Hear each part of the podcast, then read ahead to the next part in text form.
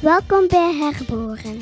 Dit is de podcast van Samen voor Respectvolle Geboorte. Rut en Sophie zijn jullie gastvrouw. Veel plezier!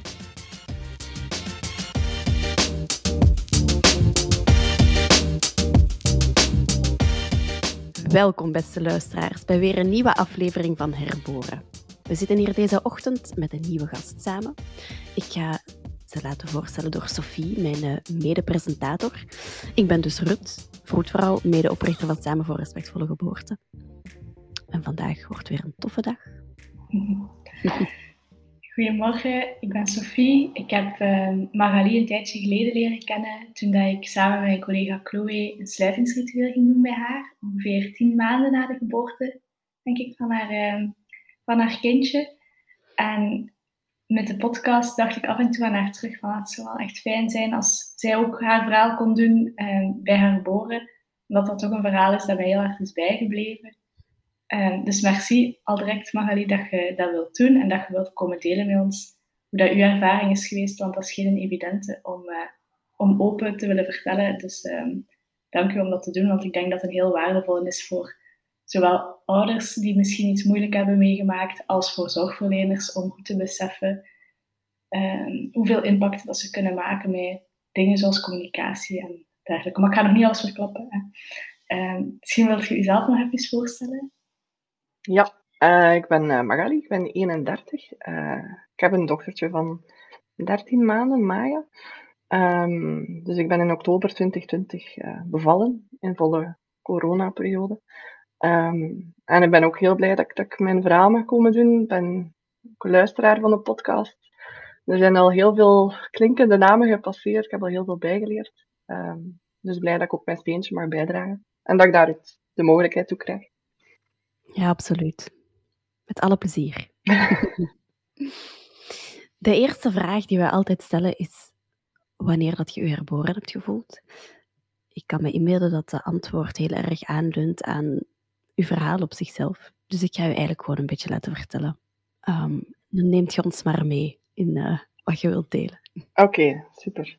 Um, ik heb er heel veel over zitten nadenken, want, want ja, vanuit de vorige podcast wist ik inderdaad ook dat, dat die vraag kwam. Um, ja, ik, ik, ik heb totaal niks met geboortezorg, nooit gehad. Ik heb geen kindjes in de familie. Um, allee, babytjes, dat zei mij niks totdat ik dan zelf uiteindelijk zwanger was. Uh, alleen niet dat mij niks zei, ik had er gewoon geen, geen contact mee. Um, dus ik denk had je mij die, die vraag voor de bevalling gesteld, dan had ik gezegd van, ah, het moment dat ik zwanger ben geworden, want ik ben mij heel hard beginnen inlezen. Um, ik wou daar echt wel voorbereid naartoe gaan. Ik wou mij dat niet gewoon laten overkomen. Ik wou daar op een... Uh, ik heb daar veel lectuur en ben gaan praten met mensen. Maar toen ik dan bevallen was, was er zoveel dat ik eigenlijk nog niet wist.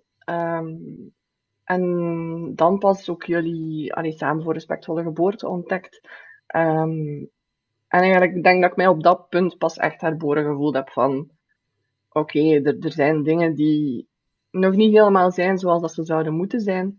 Um, ik voelde daar ook zeker na mijn bevalling ook echt wel een vuur van ik wil daar ook heel graag mijn steentje toe bijdragen om, om, om daar iets in te veranderen, om allee, zonder een medische context dan, allee, achtergrond, dan, dan toch iets te kunnen betekenen in dat debat. Um, en, en dan ben ik nog heel veel meer beginnen mij inlezen, nog met mensen gaan praten. Um, dus dat was echt zo het punt van, oké, okay, um, dit is echt zo'n topic dat mij, dat mij heel nauw aan het hart ligt nu. en op, op, in die mate voelde ik mij daar wel herboren in. Um, maar ik zal misschien direct inderdaad doorgaan in, in, mijn verhaal van, van waarom dat ik hier bij jullie zit. Mm -hmm, um, ik, uh, ik ben een overlever van seksueel geweld. Um, dat betekent dat het echt niet makkelijk was om, om, om zwanger te worden. Uh, en nog minder om naar een bevalling toe te gaan. Ja, seksueel geweld, iemand die iets doet met je lichaam wat je niet wilt, waar je geen zeggenschap in hebt ja, ik zie misschien al direct een parallel naar mm. sommige delen van, van allee, hoe dat er soms naartoe gaat, ook in, in een bevallingskamer met obstetrisch geweld. Ehm, maar seks en intimiteit zijn dus echt moeilijk voor mij. Naar een gynaecoloog gaan gaat voor mij echt gepaard met heel veel stress. Um, daar met, allee, om plastisch te zeggen, daar met mijn benen open liggen en die handelingen moeten laten uitvoeren. Ik ben daar, dat is een constante dat ik daar gewoon moet wenen als ik op die tafel lig. Dus dat is gewoon echt moeilijk. Um, dat seksueel geweld bij mij heeft ook gezorgd voor, voor depressieve periodes. Um, ja, echt zo'n stemmetje in je hoofd dat op een duur zo zegt van oh, ik haat mezelf, ik haat mezelf. Um, waar ik heel, heel, heel hard aan mezelf gewerkt heb om dat niet meer te hebben. Om dat seksueel geweld een plaats te geven. Om, allee, ik heb echt al heel veel gedaan de voorbije jaren om, om mentaal echt wel terug oké te zijn. Um, dus ik had ook al een verleden met hulpverlening. Van, van hoe geraakt je uit die put. Uh, en dat dat helpt. En dat ik daar actie voor moet ondernemen. Dus dat heeft ook wel geholpen in, in het verwerken van de bevalling en zo. Um, nu bij de zwangerschap, ja, ik had wel redelijk snel gekozen voor een thuisbevalling. Omdat ik die ziekenhuiscontext ik zag dat heel moeilijk zitten. Ik wist al van, oké, dat wachtsysteem, daar gaan constant andere mensen binnenkomen. Dat vind ik een hele moeilijke. Um, dus ik ben heel bewust bij een, een, een vroedvrouwpraktijk geweest die, dat kon ondersteunen. Um, ik woon zelf in zo'n dode regio van mensen die thuisbevallingen begeleiden. Dus ik ben naar, naar, Gent moeten gaan, maar die zagen dat zitten om tot bij mij te komen. Dat was wel een half keer rijden. Um, dus daar was ik heel blij mee. ik heb ja, door het seksueel geweld is intimiteit met mijn partner ook niet zo makkelijk. Dus ben ik, uh, we zijn ook uh, we zijn een tijdje naar de seksuoloog geweest. Tijdens de zwangerschap zijn we dan terug naar de seksuoloog geweest met, om, om de vraag te stellen van oké, optimaal voorbereiden, hoe kan ik dat doen? Um, ik heb ook gevraagd van oké, heb, heb de lectuur over... Want bevallen van een baby, van een gewenste baby na seksueel geweld, um, ja, zoveel lectuur vind je daar niet over. Um, dat gaat meestal over, ja, jammer genoeg bevallen van een ongewenst, allee, laat ons zeggen van een kindje vanuit dat seksueel geweld. Ja. Um, jij hebt mij wel een boek aangeraden, Sofie, maar ik heb die nog niet uh, erbij kunnen nemen. Um, omdat ik vond daar ook heel weinig over. Ik heb dan ook wel een cursus hypnobirthing online door corona gevolgd. En hetgeen dat daar voor mij heel hard naar buiten kwam, was van controle in een bevalkamer, dat heb je niet. Um, maar hetgeen dat je wel kunt vragen en mocht vragen, is, is de regie. Um, als ze moeten. Allee, een voorbeeld vanuit mijn echte bevallingsverhaal is bijvoorbeeld van um, bevalling. Allee, het ging allemaal niet zo vlot. Uh, de baarmoederhals moest nog uitrijpen en, en weken. En ja, zo specifiek ken ik al de termen ook niet. Maar er moest prostaglandine opgestart worden, omdat zo wat. Ja, ik zie jullie knikken, dus dat zal de juiste term zijn. Um, uh, en dan, normaal wordt dat um, vaginaal ingebracht. Um, maar dan heb ik bijvoorbeeld de vraag gesteld van, oké, is daar een alternatief? Uh, dat is zo die methode van... Uh, ja, je hebt zo in hypnobirthing zo die vijf punten. Ja, ja de vraag en één is zo de alternative. Ja, dat is, dat is de, ik zal het even misschien zeggen voor wie ja. dat interessant vindt, dat is de BRAINS-methode, waarbij dat je gaat vragen als er een interventie wordt voorgesteld, zoals in ieder geval nu die prostaglandines vaginaal opsteken, uh, wat zijn daar de voordelen van? Wat zijn daar de risico's van? Uh, zijn daar alternatieven voor? Even inchecken van wat wil ik zelf? Wat gebeurt er als we niks doen?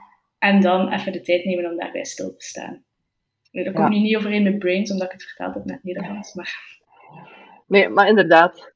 En dat vond ik een hele nuttige. Um, en bijvoorbeeld met de prostaglandine heb ik effectief de vraag gesteld van... Um, want die gynaecoloog die mij opgevolgd had, had ik ook wel een heel goed contact mee. Um, die kenden ook mijn verhaal. Um, en, en die heeft, allee, ik vroeg van, is er een alternatief? En er was een alternatief van die oraal in te nemen. Dus dat heb ik dan ook mogen doen. Um, dus dat zijn dingen die mij, die mij echt wel die regie gaven van, oké, ik mag zelf mee beslissen. Um, ik had ook uh, tijdens de zwangerschap, ja, ik ben met dus een vroedvrouw, dat was een vroedvrouwenpraktijk. Ik heb daar vijf vroedvrouwen gezien. Ik heb telkens ook mijn verhaal gedaan, dat ze zeker wisten van, wat is er met mij gebeurd. Ik heb bij de gynaecologen mijn verhaal gedaan.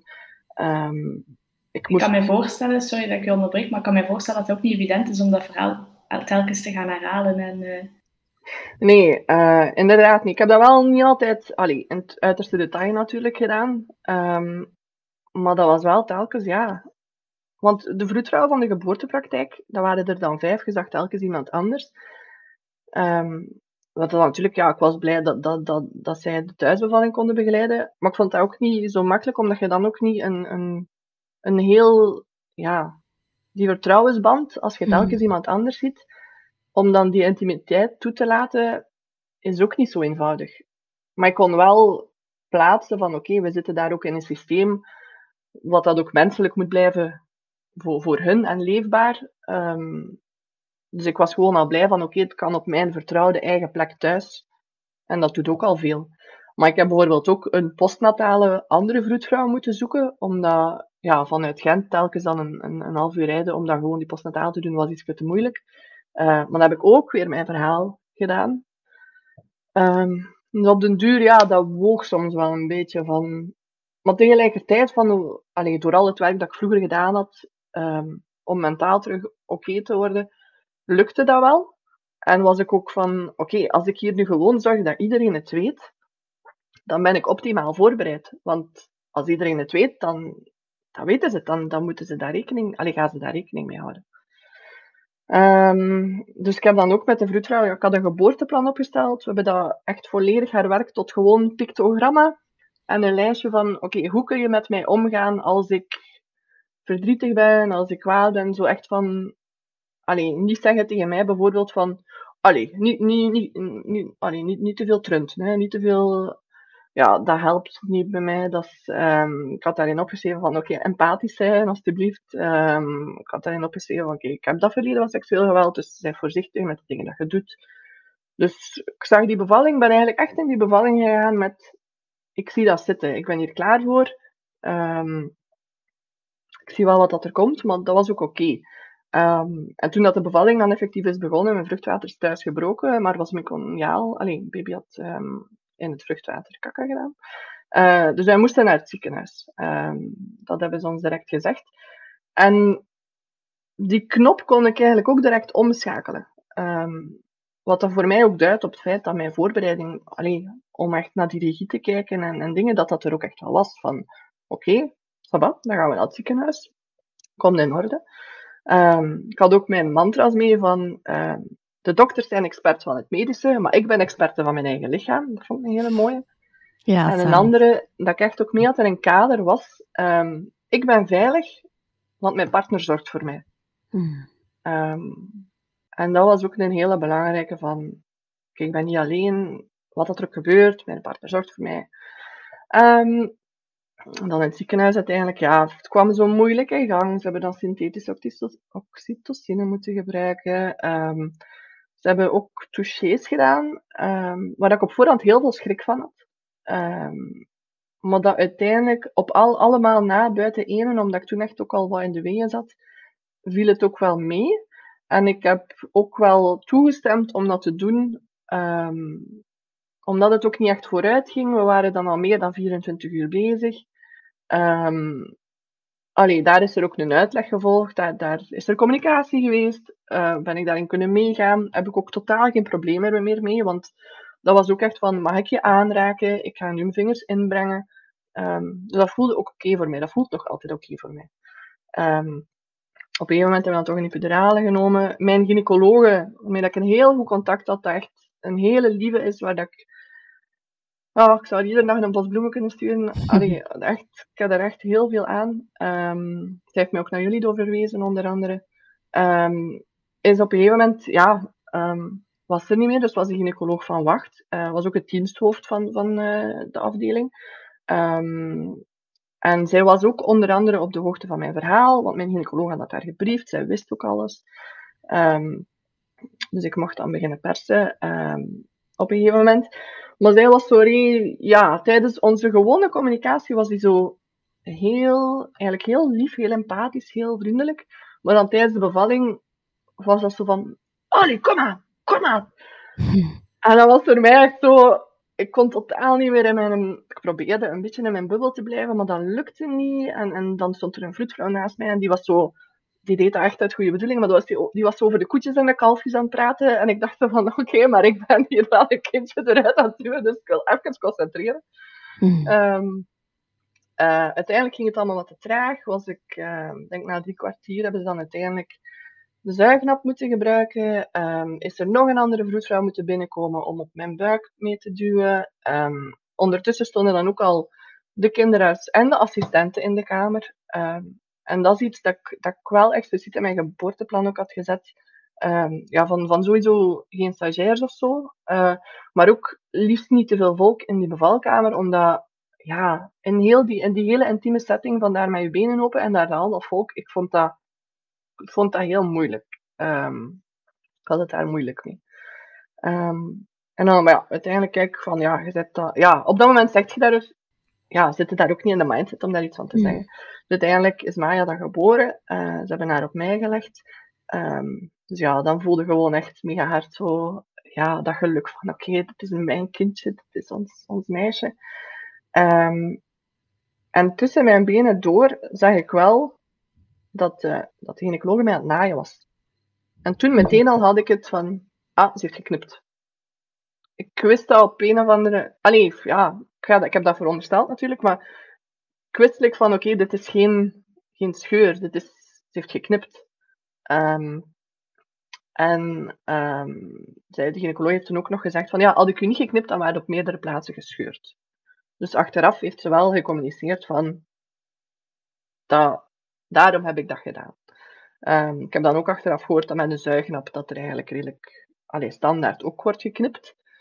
Um, en dat is hetgeen dat ik bedoelde daarnet van, na de bevalling ben ik dan meer te weten gekomen van al die dingen, bijvoorbeeld dat van de zuignap, dat er dan ook vaker geknipt wordt en zo. Dat waren eigenlijk dingen dat ik allemaal niet genoeg, allee, dat ik eigenlijk mij niet over ingelezen had, over die zuignap. Um, te goed over de knip. Ik, ik, ik, het enige dat ik eigenlijk wist van een knip, van beter allee, een knip dan een grote scheur, maar beter een scheurtje dat zich natuurlijk zet, dan, dan echt die knip door, door, door de spieren en zo. Um, en, de, en allee, we waren er net ook even over bezig van, dat had ik ook, want onlangs is er online heel het gegeven geweest van um, het, het, de, de anode, elektrode, dat je zo bij het kindje uh, op de schedel plaatst, um, om, om de hartslag en zo te kunnen volgen, dat dat er wordt ingedraaid. Dat dat ja. een, een, een schroefje is en niet gewoon geplakt. Dat zijn dingen dat ik op voorhand ook niet wist. Um, en dat, dat is niet bij mij gebeurd. Um, maar ja, moest, ik, moest dat gebeurd zijn, Goh, ja, ik, ik, zou dat heel moeilijk vinden van, oké, ze hebben daar, ik heb dan ja gezegd op iets, maar eigenlijk wist ik ook niet, ja, tenzij dat gecommuniceerd wordt, maar eigenlijk wist ik ook niet te goed dat, dat, ze, dat ze dat daarin draaien, dat ze...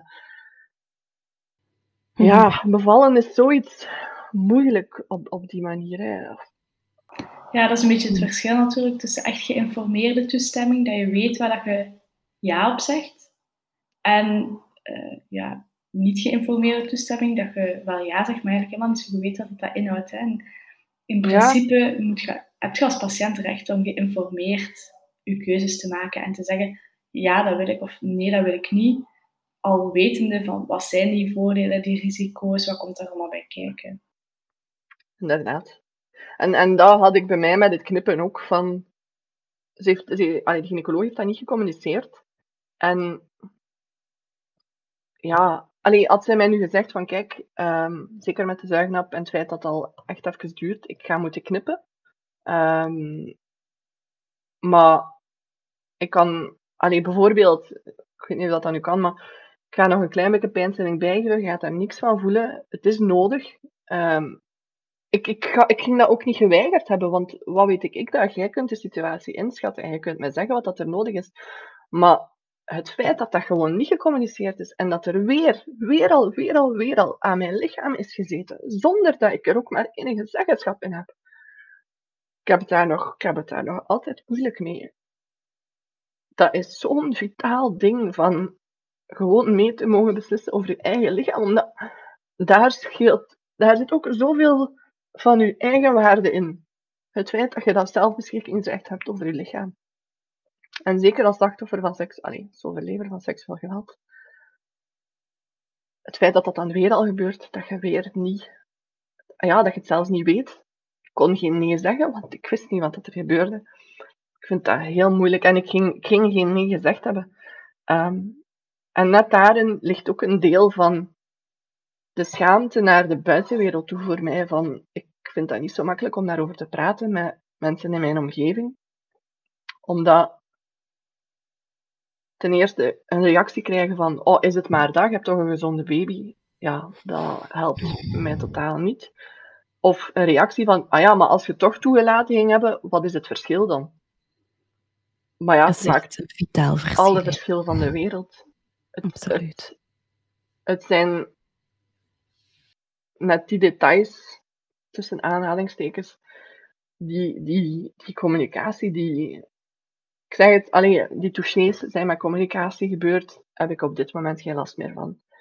Maar die knip, want allee, ik, had ook, ik had ook echt heel veel pijn. Ik heb, toen dat epidurale uiteindelijk was uitgewerkt, is de gynaecoloog nog moeten terugkomen om nog eens te controleren of dat wel oké was, omdat dat, dat deed zoveel pijn. Ik kreeg in het ziekenhuis dat gaan ibuprofen, maar ik heb, ja, ze hebben mij uiteindelijk nog echt ik weet niet wat dat ze mij hebben bijgegeven, een paardenmiddel van het een of het ander.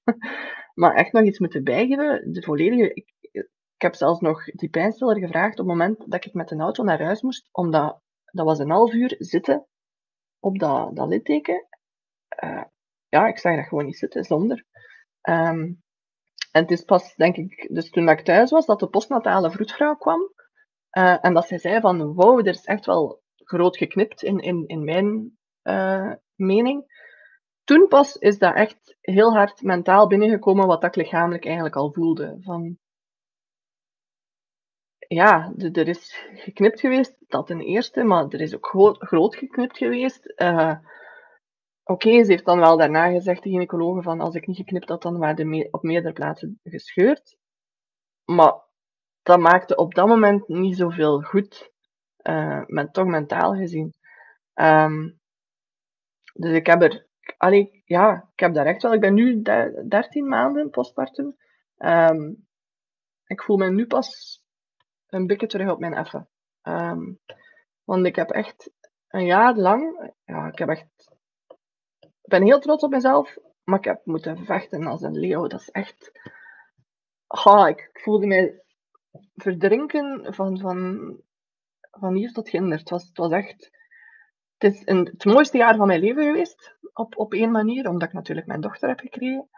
Maar godverdikke, het was vechten voor iedere, iedere stap en iedere, ja, iedere vooruitgang. Uh, ik, heb, uh, ik, heb, ik heb daar heel veel voor gedaan, opnieuw. Uh, maar ik wist dus al van, oké, ik moet hiermee aan de slag, want dit, dit is niet oké. Dus ik heb een heel, heel je bevallingsstrijd gedaan. Ehm, dat was iedere keer naar, Brugge, wat dan met een newborn ook niet zo makkelijk is. Um, en dat was pas na zes weken dat ik dat ben opgestart. Omdat ze zeggen eerst van, geef het eerst zes weken om het even te laten bezinken. Um, en dat is een soort van EDMR-therapie, denk ik. Of EMDR was het. En dat heeft geholpen, uh, omdat ik ook, ik had, ik, ja, ik had op een gegeven moment had ik echt paniekaanvallen. Um, dat ik echt, ik was mijn dochter borstvoeding aan geven, ik was alles zo goed mogelijk aan het tegenhouden. En het moment dat ze gedaan had met drinken, dat ze terugsliep, was dat echt naar beneden gaan en die volle paniek over mij voelen, gewoon weer compleet in dat moment van reddeloosheid zitten. Het gevoel dat je er nooit, nooit gaat uitgeraken. Dat gevoel, oh, dat wens ik echt niemand toe, maar zo heel hard dat gevoel. Um, en daar komt er in voor mij een heel moeilijk deel, een deel waar ik het vandaag nog moeilijk mee heb, is dat mijn partner zei, op die moment, heeft op een gegeven moment tegen mij gezegd van, je bent veilig. En dan heb ik tegen hem geroepen van, maar ik ben niet veilig, want tijdens de bevalling waren het er ook bij, en toen was ik ook niet veilig. Um, en dat was zo die mantra dat ik ook mee had van, ik ben veilig, want mijn partner zorgt voor mij. En ik merkte dat ik, dat ik hem dat ook wel ergens kwalijk nam, terwijl dat ik dan eigenlijk ook wel snel heb beseft van, hij kon in die situatie ook niks anders gedaan hebben. Um, denk dat zelfs, ik ben later ook nog met de vroedvrouwen gaan praten en die hebben mij ook gezegd van, ik denk niet dat ik in die situatie bij die gynaecologen ook iets had kunnen zeggen dat, dat, dat iets had veranderd. Maar dat zorgde ervoor dat, dat de veiligheid in onze relatie, waar dat wij echt al, al sinds het begin heel hard aan werken, dat die op een gegeven moment een tijdje weg is geweest. En dat is onder andere tijdens het sluitingsritueel dat we gehad hebben, is dat heel veel naar boven gekomen. Van, eigenlijk ben ik daar nog altijd kwaad voor. Van, dat ik die veiligheid, dat ik bij hem voel, dat ik nog nooit bij iemand anders gevoeld heb, dat we dat heel even zijn kwijt geweest.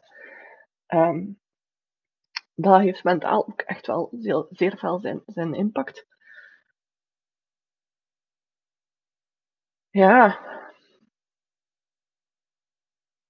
Nog altijd. Ja. Even.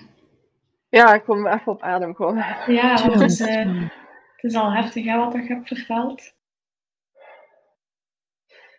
Ja, het is ook veel. Hè. Het is nu, ja, nu dat je erop terugkijkt, is het. Ah, het is zoveel. Hmm. Ah.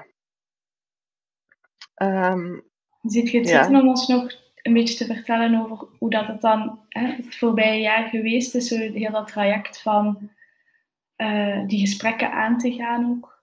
Ja, ja want ik ben dus um, ja, zoals ik zei, in gesprek geweest met, met de vroedvrouwen, omdat ik ook ergens mijn schuldgevoel zat van, ik had de vroedvrouwen er toch in een soort van doula-functie moeten bijvragen. Maar ik had, ja, op dat moment, tijdens de bevalling zelf, ja, ik had een epidurale, toen dacht ik, ja, ik moet geen wegen wegpuffen of zo, wat kunnen zij hier komen doen? En ik dacht van, als ik maar gevraagd had dat, dan hadden zij mij ook mee kunnen beschermen of zo. Um, dus ik ben dat gesprek met hun ook nog een keer aangegaan. En dan heeft zij, allee, heeft een van die vroedvrouwen eigenlijk gezegd van, goh, ik denk niet dat wij daar heel veel anders hadden kunnen betekenen, want ik heb ook al eens het voorbeeld gezien van een jonge gynaecologe die zelfs tegen de hoofdvroedvrouw um, niet, had, niet had durven zeggen of durven ingrijpen. En dan dacht ik van, oh, ik dacht eigenlijk dat hiërarchische systeem van oh, gynaecologen, vroedvrouwen, dingen, maar het gaat dus ook met, met ervaring en leeftijd en het is zo'n kluwen als ik daar zo op kijk, van, van wel of niet dingen zeggen. Um, ja, dat, dat, dat, dat heeft voor mij dat vraagstuk wel een beetje kunnen, kunnen kaderen en heb ik wel kunnen opbergen van oké. Ehm, maar het belangrijkste gesprek, denk ik, dat ik gevoerd heb, en ben ik wel trots op, op mezelf dat ik dat gedurfd heb, um, is dat ik een, gesprek ben aangegaan met de gynaecologe die mijn bevalling gedaan heeft. Um, en ik had juist een cursus geweldloze communicatie gedaan en dat heeft wel super goed geholpen om echt proberen die verbinding aan te gaan en ruimte te creëren, zodat zij ook mijn verhaal kon, kon aanhoren. Um, en hetgeen, denk ik, ik ben daar buiten gegaan um, met, denk ik, het gevoel van, oké, ik heb proberen een steentje te verleggen, hoe klein ook. Um, ze heeft mij, mij gezegd van, ik ga ik ga daar naar volgende mensen in jouw situatie of, naar volgende vrouwen ga ik daarop letten. Ik, uh, ik begrijp dat, dat communicatie voor jou niet gewoon een klein detail is.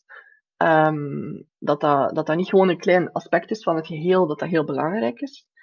Um, maar ik ben daar ook buiten gegaan met sommige dingen dat ze zeiden dat ik dacht van wow, dat vind ik wel heavy. Um, ik heb dat voor mezelf allee, zoveel mogelijk proberen te onthouden. En wat dat onder andere zei. En, en dat deed mij ook ergens wel haar menselijkheid zien hoor. Dat zij zei van, ja, ik vind van mezelf dat ik al heel, mij heel hard heb moeten inspannen om mee te gaan in, in gans dit verhaal. Um, dat is voor mij een gigantische inspanning, want ik heb daar ook mijn idee over. Um, en, en ik heb daar geen oordeel over te vellen, maar ik ga ook over mijn schreeuwen. Ik ga ook over mijn grens. En geen klein beetje, ik ga veel over mijn grens. Um, wat dat voor mij ook wel deed van, ja, oké, ja, oké, ik heb mijn grenzen, jij hebt ook je grenzen. En, en ja, we moeten daar inderdaad wel een manier in vinden dat het, dat het voor iedereen goed aanvoelt. Um, maar ze heeft ook onder andere gezegd van, um, ik kan u garanderen uh, dat van, we zijn met vele gynaecologen in het ziekenhuis, uh, bij minstens de helft zou je nog een minder goede ervaring gehad hebben. En dan denk ik van, Oh, maar dat is jammer. Dat is toch erg? Dat zoveel van uw collega's nog minder zouden allee, daar, daar, daarmee bezig zijn of, of nog minder communiceren dan, of nog minder empathisch reageren. Of, um, dat is nu misschien niet dat ze niet op bepaalde momenten was ze wel empathisch, maar ze zei ook bijvoorbeeld van jou, jouw eisen ehm, zijn zo ongelooflijk groot, je kunt daar bijna niet aan beantwoorden. En dan ben ik heel blij, want dan heb ik wel weerwerk geboden van die eisen. Uh, ik heb niet het gevoel dat ik veel vraag op, of eis. Het enige dat ik eigenlijk echt enkel vraag is, zeg mij wat dat je met mijn lichaam gaat doen. Um, en dat is in mijn ogen hier, zeker op vlak van die knip, niet gebeurd. Ik kon geen informed consent geven. Um, en er is weer aan mijn lichaam gezeten zonder dat ik er iets in te zeggen had. Um, en, en, en dan ook iets dat ze ook zei dat mij dan ja, wel een beetje meer kwaad gemaakt heeft, is het volgen van een persoon zoals jij, dat vraagt veel energie van mij. Oké, dat kan ik begrijpen, want het is geen gemakkelijk verhaal dat ik mee kom. Maar dan mocht ik verschillende patiënten zoals jou hebben op één dag, dan stop ik met werken. Ja, dan denk ik, oké, maar als we de cijfers van seksueel geweld erbij nemen in België, die dan nog waarschijnlijk ondergerepresenteerd zijn, omdat niet iedereen aangifte doet en iedereen durft te zeggen, kunnen ze er niet van buiten, maar we zitten wel met heel veel vrouwen die zoiets meemaken. Hè. Um, Eén op vier. Ja, alleen dan denk ik van, dat, is, dat zijn toch van de, van, allee, de zoveel gesprekken dat jij doet op een dag van de opvolgingen, van de bevallingen, dat zijn er toch veel. Dus die extra zorg mag er denk ik ook wel zijn, want, want we leven in een, in een maatschappij waar dat vrouwen eigenlijk niet altijd veilig zijn.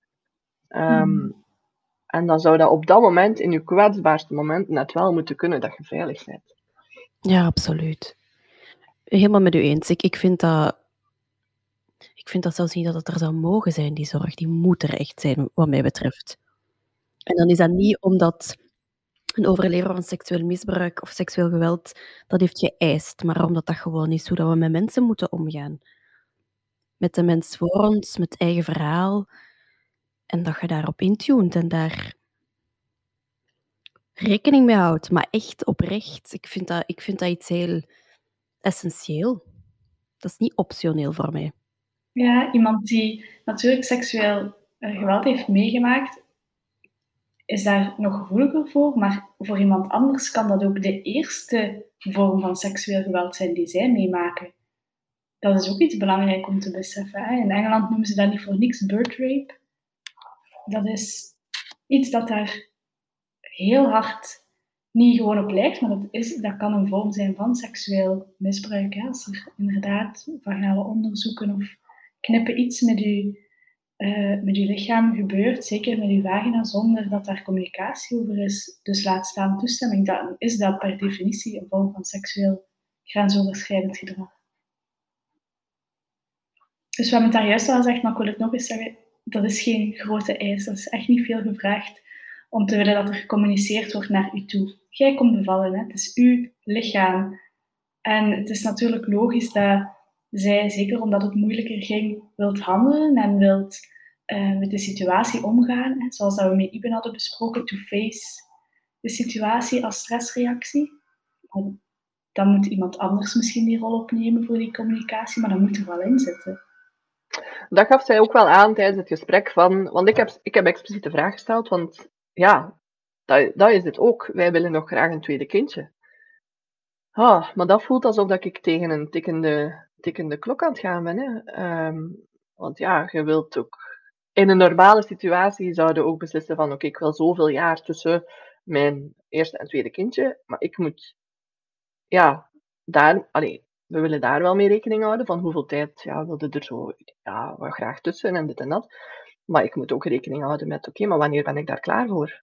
Wanneer voelt mijn traject oké aan dat ik die, die gigantische uitdaging opnieuw wil aangaan. Um, dat ik niet terug in, in aanval. Ja, uh, want bijvoorbeeld, mijn zus is bevallen zeven maanden na mij. Op het moment dat zij belde om, om te zeggen van, oh, ik ben bevallen en mijn dochtertje, en dat zij een beetje uitleg gaf over hoe dat haar bevalling gegaan is, zeven maanden daarna had ik al een tijdje geen, door die EDMR-therapie geen, geen paniekaanval meer gehad. Zeven maanden, toen dat zij dat vertelde, had ik echt weer een super harde paniekaanval dat ik, dat ik echt opnieuw het gevoel had dat ik volledig verdronk, dat, het dat ik daar nooit meer ging uitgeraken, dat dit gevoel voor altijd zou blijven. Um, ja, dat wil ik natuurlijk ook niet als er dan al een kindje in mijn buik zit. Um, dus ja, hoe, hoe ga je ook daarmee om? Um, ik was eigenlijk een punt nog aan het maken op hetgeen dat je zei, maar ik ben dat ook kwijt. uh, ja, dit doet mij nu denken aan een deel van ons voorgesprek ook, waarin we het hadden over, weet je dan beter minder? Hè? Had het dan geholpen als je daar minder bewust mee werd omgegaan? Omdat dat iets is dat Ruud en ik ook hè, soms over praten met elkaar, van is het nuttig om zoveel details te kennen over hoe het gaat? Het is niet gemakkelijker om het niet te weten en er dan niet bij stil te staan. We hadden het er ook al over gehad, dat mijn antwoord voor mezelf daarop nee is. En dat ik wel denk van het is beter om om te gaan met de moeilijke realiteit dan in ergens een illusie te zitten. Um, maar het is wel een moeilijke vraag, want. Ja, en het is ook iets dat ik echt wel bij vriendinnen die zwanger zijn ook wel hoor van... Ik, ik was daar vanaf het begin heel veel mee bezig van hoe gaat die bevalling zijn. Um, eigenlijk nog minder van wat zijn de stappen in de, in zwangerschap of hoe gaat het zijn als de baby er is. Nee, hoe gaat die bevalling zijn? Um, en, en ik hoor van andere vriendinnen dat die daar ja, eigenlijk heel weinig tot niet mee bezig zijn. En ja, dat is natuurlijk ook een gevolg van de manier dat wij nu individualistisch leven. Van vroeger ja, kende wel altijd iemand die, die, die bevallen was. Die, allee, dat was zo allemaal veel dichter, terwijl nu leven wij daar meer zo in onze bubbel. Um, en, en vertellen we dat ook minder. En, en ja, ik, ik, ik ben daar sowieso. Je kijkt ook allee, zeker als leek, kijkt ook naar een bevalling van, oh, dat gaat superveel pijn doen en, en, en ik moet daar door. En, en oh, eigenlijk wil ik daar misschien niet te veel bij stilstaan, van, van zie wel wat dat er komt. En ik ben daar net heel veel bezig, mee bezig geweest door mijn bevalling, eh, door, mijn, door dat seksueel geweld. Ja, ik denk niet dat ik het niet had willen weten. Omdat het feit dat ik mij goed voorbereid voelde, heeft er ook voor gezorgd dat ik met een bepaalde rust naar die bevalling kon, kon gaan. En dat ook kon zien als iets moois. Ik heb de bevalling voordien, zag ik die bevalling echt als iets moois. Ik ben hier klaar voor, ik ga mijn baby ontmoeten. En niet van, dit is het verschrikkelijkste moment in mijn leven waar ik door moet om mijn baby te ontmoeten. Ehm, en, en aan die mindset heb ik ook wel heel veel gehad. Van, oké, dus die bevalling zelf kan ook iets moois zijn. Het is niet enkel de, de beloning die nadien komt die mooi is. Um, maar dus ja, om, om, om nog heel even terug te gaan op mijn gesprek met die gynaecoloog. Um, ja, ik ben daar dus buiten gekomen met me een gevoel van, oké, ik ben blij dat ik dit gedaan heb. Ook, al is het maar om ook een keer aan te geven van, op, op een, ook op een respectvolle manier, want dat vind ik ook belangrijk. Want um, anders gaat, gaan, ja, het was ook echt niet meer, ik heb dat ook in het begin van het gesprek gezegd, van, ik kom hier niet om u aan te vallen. Um, en ik vond dat belangrijk om dat mee te geven, omdat ja, ik kon ook wel herkennen dat zij ook een mens is, die ook iets gedaan heeft, dat zij dat misschien met de beste intenties gedaan heeft. En ik hou vooral van, hoor hoe dat ik dat beleefd heb, en niet van, je hebt dit en dit en dit en dit fout gedaan. En ik haat u daarvoor, en um, om, om, omdat ik het net belangrijk vond dat zij kon horen van, dit is de impact dat dat heeft op mij, en oké, daar wil ik wel meer rekening mee gaan houden. Maar als ik ging zorgen dat zij in defensieve reactie schoot, dan denk ik niet dat zij dat daar ging kunnen uithalen hebben. Alleen toch niet als ik naar mezelf kijk, van als er iemand enkel kritiek aan mij geeft, ja, dan denk ik van oké, okay, doe het dan zelf. Hè. Um, je trekt je muur op, hè? sluit je af om, uh, ja, om die ja, info te laten binnenkomen. Uh, want op een gegeven moment zei ze inderdaad ook van ja, ik heb, ik heb ook al een keer, want jij komt dat nu wel, heel, allee, wel oké okay zeggen, maar ik heb ook al iemand gehad die zei dan van uh, waar dat ik ook heel hard mijn best had gedaan, waar ik echt het gevoel had van, ik heb mij al in tien gedeeld, ik kom mij niet in, elf delen. Um, en en dat, dat, dat, die, dat ja, die persoon in kwestie dan blijkbaar echt had gezegd van, ja, en dit en dit en dit. En haar reactie was dan geweest van, oké, maar volgende keer doe het zo, zo en zo en niet anders. Hmm. En dat was zeker niet de reactie dat ik, dat ik in dat gesprek wou teweegbrengen. Ik wou net hmm. een, een open dialoog, omdat ik denk van, Allee, ik weet dat niet, maar hoeveel mensen gaan nadien, zeker als het niet uw eigen gynaecoloog is, gaan nadien nog zo'n soort gesprek aan? Um, want dan, daarvoor ben ik ook wel trots op mezelf. Van ik heb dat wel gedurfd. Want dat was geen eenvoudig gesprek. Ik was toen zes maanden postpartum. Ik zat er nog echt middenin, die orkaan. Um, en, en toch heb ik dat aangedurfd. Heb ik dat op een, op een respectvolle manier aangedurfd. En heb ik ook allee, heb ik een keer een andere zijde van het verhaal kunnen tonen. Ehm, dat vond ik wel een belangrijk. Het enige dat ik dan een beetje zuur vond, is dat ik dan, ja, je gaat nog altijd op consultatie bij een gynaecoloog, dus op het einde betaalt je ook voor het feit dat je daar dat gesprek ah, ja. zit moeten komen voeren. En dan denk ik van ja, omdat ik denk heel dat traject dat ik nu gelopen heb, ik heb het een keer proberen voor mezelf wat, wat uit te rekenen. Maar alles dat ik gedaan heb van, van therapie en gesprekken en dingen, dat ik minstens aan financieel een duizend euro zit, dat ik het voorbije jaar heb uitgegeven om gewoon psychologisch voor mezelf terug oké te komen. En um, ja, ik dacht daarbij aan hetgeen dat Noemi, Noemi Willemen had gezegd van ja, ik ben, nog, ik ben dan ook nog de geprivilegeerde heteroseksuele witte cis vrouw, um, maar ik ben niet de gemene, ik ben niet de kleinste gemene deler. Um, Ja, toekomst van de geboortezorg ten eerste al, ja, dat die, dat die, dat die psychologische hulp nadien, dat dat liefst niet nodig is, um, maar dat het ook wel betaalbaarder wordt, hè, want oh, het is ook zo'n kluwen van, van waar kan ik hulp vinden. Je moet er dan ook allee, het is ook niet altijd allemaal in de buurt, omdat er niet zoveel mensen zijn die, die de dingen aanbieden. Um, ja, dat vond ik ook wel een hele belangrijke. Van, ja, van daarbij stil te staan van, oké, ik kan dat nu wel, wij kunnen dat nu wel financieel dragen en, en de dingen dat ik gedaan heb, er is geen één ding van de dingen dat ik gedaan heb om beter te worden, dat ik zeg van, goh, daar heb ik niks aan gehad. Ik heb bij alles wel iets eruit gehaald en dat zorgt er dat ik hier nu, 13 maanden na de bevalling, hier op deze manier over kan praten. Zonder te wenen, zonder paniekaanvallen. Um, Dus dat is voor mij ook wel een hele belangrijke. Van, we moeten naar een, ja, naar een ander systeem hè, waar dat er gecommuniceerd wordt, waar dat er trauma-informed, ja, dat de maatschappij gewoon meer trauma-informed wordt. Dat dat dat niet wordt wegge, weggelachen, weggeduwd, dat je daar niet over mocht praten. En, en dat is niet enkel voor geboortezorg, dat is, dat is met alles zo, vind ik. Is dat um, deel van wat dat uw antwoord zou zijn ook op de vraag van wat hebben we nodig voor meer respectvolle geboortezorg? Dan ja, meer trauma-informed care? Ja, ja, dat mensen uh, op de, allez, weten wat dat er wat dat uw verleden is, dat dat ja, dat, hetgeen dat ik daarnet zei van over die lectuur, over bevallen van een gewenst kind met seksueel geweld. Ik miste heel hard de handvaten van hoe ga ik, hoe ga ik hiermee om met het feit dat er nu een baby in mij groeit die er langs de vagina uit moet, terwijl dat de vagina voor mij zo'n moeilijk gegeven is. Um, en dat dat eruit moet met andere mensen er ook nog bij. Mm um, want zo een volledige uh, alleen uh, bevalervaring, dat zou ik nu toch ook niet zeggen. Um, dus ja, ik, ik, mis echt, ik, mis, ik miste echt heel hard handvaten daarin. Um, dus als er ooit iemand daar een boek over wil schrijven, zou ik daar zeker bij helpen. um, even, uh, um, en, en dan, ja, vooral, uh, vooral ook ja, het feit dat, dat er nadien, ja, dat, dat, dat mensen ook, ja, dat je ook empathische reacties krijgt. Um, want ik heb voor mezelf heel hard moeten afwegen van, als ik dit vertel aan deze persoon, ga ik daar dan een empathisch antwoord op krijgen? En als ik ook maar dacht dat ik dat niet ging krijgen, dan vertelde ik niet wat dat er gebeurd was. Dan vertelde ik niet hoe dat het met mij ging.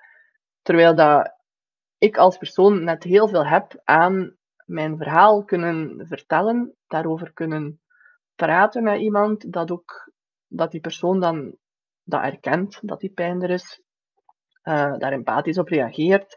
Uh, dat geeft mij ook weer nieuwe inzichten. Um, en ik weet dat dat niet voor iedereen op die manier werkt, maar voor mij wel. En het feit dat ik dat niet altijd kon doen, omdat ik zelf een schaamte voelde of een, of een vrees voor een onempathische reactie. Maar dat is net omdat er in onze maatschappij, denk ik, te weinig, um, ja, dat men te weinig trauma geïnformeerd is van hoe ga ik daarmee om. Um, en dan nadien, ja, als wij dan toch psychologische hulp moeten zijn. Maar ja, wacht, ten eerste ja, ook het feit dat het, het systeem zoals dat het nu is, zoals dat denk ik iedereen van jullie vorige gasten ook al gezegd heeft, mag van mij veranderen. Um, naar een systeem dat beter werkt. Um, vraag mij niet direct hoe dat je het, dat zou moeten doen. Ik denk dat de, de parlementaire allee, de commissie en de senaat nu, dat dat een goede, een goede zet was. En. Um, en ik hoop dat die mensen die dat vooruit trekken, dat, dat, allee, dat die daar ook uh, echt verandering kunnen brengen. En dan nadien, als er toch psychologische hulp nodig is, ja, dat het, dat het gewoon ook allemaal wat meer duidelijker wordt waar dat je die hulp kunt gaan zoeken. Um, dat het uh, betaalbaarder wordt, uiteraard. Um, nu, ik moet wel zeggen voor mijzelf, ik had met mijn gynaecologe, van mijn eigen gynaecologe, ik zeg het, had ik een heel goed contact. Zij heeft mij doorverwezen naar het heel je bevalling traject. Zij heeft mij doorverwezen naar jullie. Zij heeft mij doorverwezen naar um, Noemi Milliman, onder, onder andere. Naar hoe kan, welke hulp kun je zoeken. Dus voor haar zat dat wel gecentraliseerd. Maar dan moet je ook wel weer dat gesprek durven aangaan. Stel dat je net bij een gynaecoloog zit die net de dingen heeft gedaan waar dat je het moeilijk mee hebt, dan ga je dat gesprek ook niet aangaan. En dan vond ik het niet zo makkelijk om het online te vinden. Dus dat mag voor mij misschien ook wel wat gestructureerder nog. En, en denk, maar daardoor is een initiatief zoals dit van jullie ook wel zo waardevol. Um, omdat het alles een beetje centraliseert. Mm Maar ik heb toch al wel tips gehaald uit wat je nu net zegt hoor. Hoe dat we vindbaarder kunnen zijn en zo. Dus daarvoor uh, dank ik u zeer. Um, ja, absoluut. Ik denk dat, dat makkelijk vindbaar zijn, dat dat wel een goede is. Ja, dat, om op dat moment heb je ook niet de energie om Tuurlijk. veel te gaan zoeken. En dan moet die informatie eigenlijk al echt voorhanden zijn. Dan, dan eigenlijk, want ik heb het bij mijn gynaecologe, die heeft dat op een blaadje geschreven en in mijn handen gegeven. En zo ja, makkelijk zou het eigenlijk moeten zijn. Ja. Ja, inderdaad. Of we kunnen flyers maken die ze kunnen meegeven, nog gemakkelijker. Ja, ook al. Um, maar ik moet ook zeggen, want, want met haar heb ik ook gans mijn bevalling nog een keer doorgesproken, want ik had ook mijn dossier opgevraagd, um, maar daar stond dan eigenlijk niet zoveel in. Um, maar ik heb met haar ook alles een keer doorgesproken en zij heeft mij ook verteld hoe dat zij zou gereageerd hebben in dat geval. En dat heeft voor mij ook wel veel gedaan, omdat ik voor mezelf een beetje ben proberen omdenken van, oké, okay, uh, zij zou gezegd hebben van, um, ik ga een beetje, kijk, ik ga moeten knippen. Um, ik, ga een, allee, ik ga nog wat pijnstelling bijgeven, ik ga dat niet voelen. Ik ging, allee, ze ging daarover gecommuniceerd hebben en voor mezelf hielp dat wel de omdenken. omdat ik ook voor mezelf in het verleden al gemerkt heb van hoe dat, dat omdenken zo hard helpt. Want Mm-hmm. Op een gegeven moment, en, en dat is eigenlijk daarom dat ik dat ook gezegd had in het begin, van dat stemmetje in mezelf dat zei van ik haat mezelf, dat is op een gegeven moment nu teruggekomen, na al die jaren. Uh, als ik nog maar aan de bevalling dacht en wat er gebeurd was, dan was er weer zo van ik haat mezelf. En dat is voor mij ook zo'n grote, groot uh, waarschuwingssignaal van ja, je moet, je moet hier, oh nu, hier en nu moet, moet je hier mee aan de slag. Je, je moogt hier niet in blijven zitten. Um, hmm. En onder andere dat omdenken helpt daarbij. Uh, van eigenlijk constant als ik dat stemmetje hoorde, te, te, iets, allee, voor mezelf te denken van ik zie mezelf graag, niks wat ik zou kunnen zeggen of doen zou ervoor zorgen dat ik mezelf niet meer graag zie. Dus iedere keer als je die stem hoort, en zo werkte het ook met hetgeen dat mijn gynaecoloog dan gezegd had, van hoe dat zij de bevalling zou aangepakt hebben, van iedere keer als ik dacht aan hoe dat de bevalling gelopen was, dan dacht ik van, oké, zo had het kunnen zijn. En op, op een of andere manier hield dat ook voor mij, van het zo te kunnen bekijken. Ja, je hebt eigenlijk geprobeerd je verhaal te herschrijven in je hoofd, zodat je ja. er minder spanning en stress rond ervaart. Ja, op een of andere manier wel, inderdaad. Zo niet, niet zo bewust, als ik er nu op terugkijk, inderdaad. Um, mm -hmm. Maar dat hielp wel. Ja, sowieso, absoluut. Uh, ja. Ja.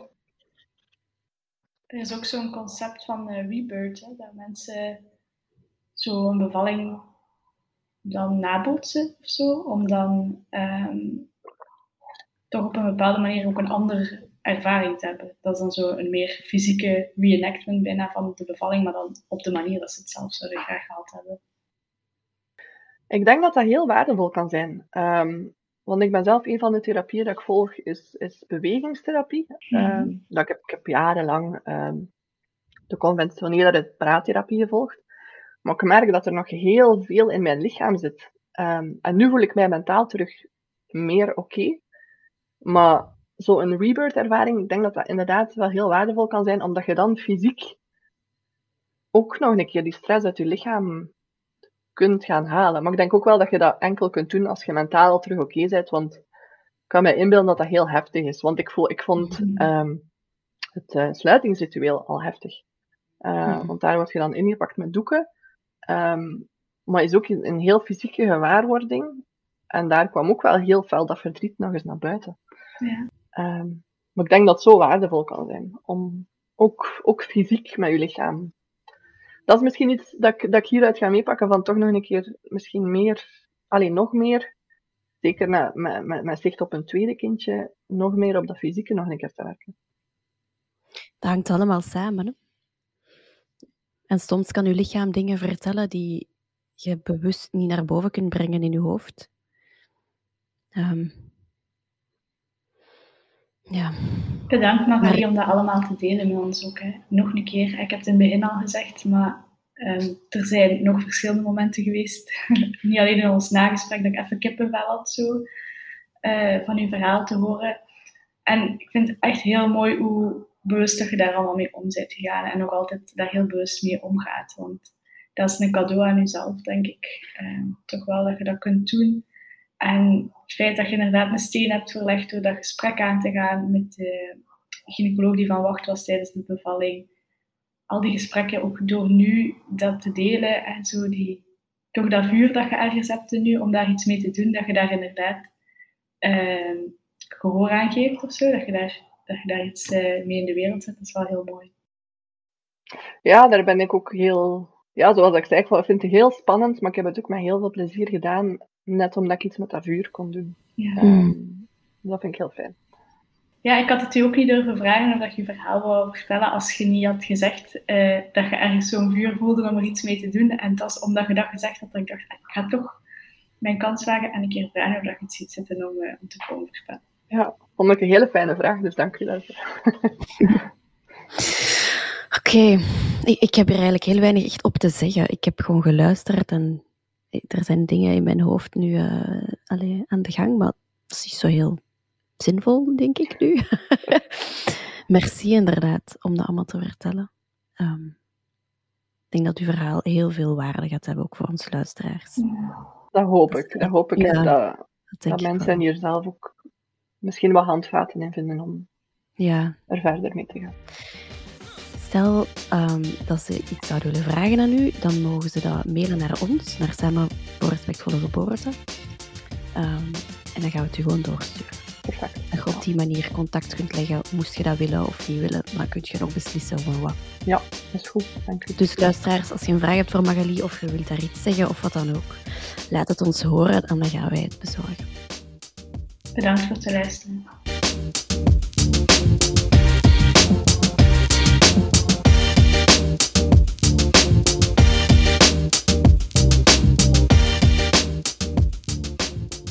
Bedankt om te luisteren.